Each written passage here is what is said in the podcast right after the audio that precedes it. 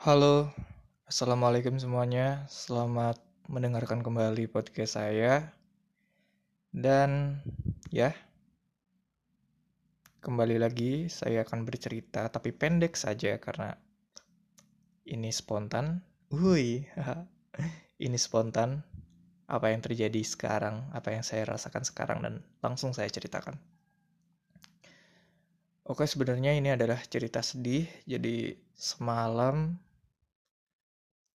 uh, doi dia orang istimewa itu memutuskan untuk menolak saya sedih kan? Untuk menolak saya untuk menganggap saya sebagai teman saja mungkin gak tahu. Menganggap sebagai teman dan jujur aja ngerasa kayak perjuangan selama ini tuh ya sia-sia tidak dihargai dan tidak apa ya ya pokoknya sia-sia deh tidak membuahkan tidak membuahkan hasil yang diinginkan. Kecewa juga, ya kecewa, pasti. Tapi di satu sisi juga kayak ngerasa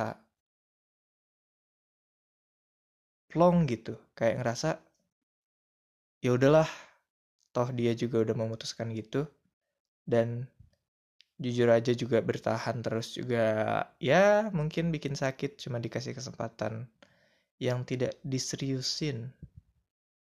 Dan dia juga udah ada orang baru mungkin saya tidak tahu.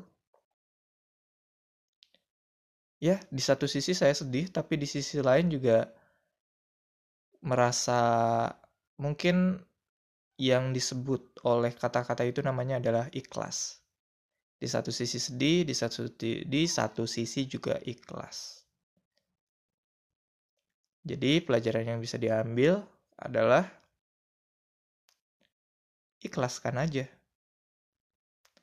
Toh juga sekarang kayak udah sadar, ya udahlah ya, kita nggak bisa memaksakan perasaan orang lain, dan kita juga nggak tahu kita bisa suka ke siapa, karena perasaan suka itu murni dari Tuhan.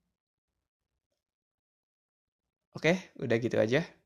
Semangat buat kalian yang mungkin sekarang sedang banyak banyak kegiatan, banyak cobaan, banyak rintangan.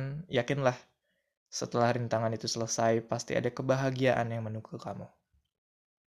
Terima kasih semuanya udah dengerin. Bye.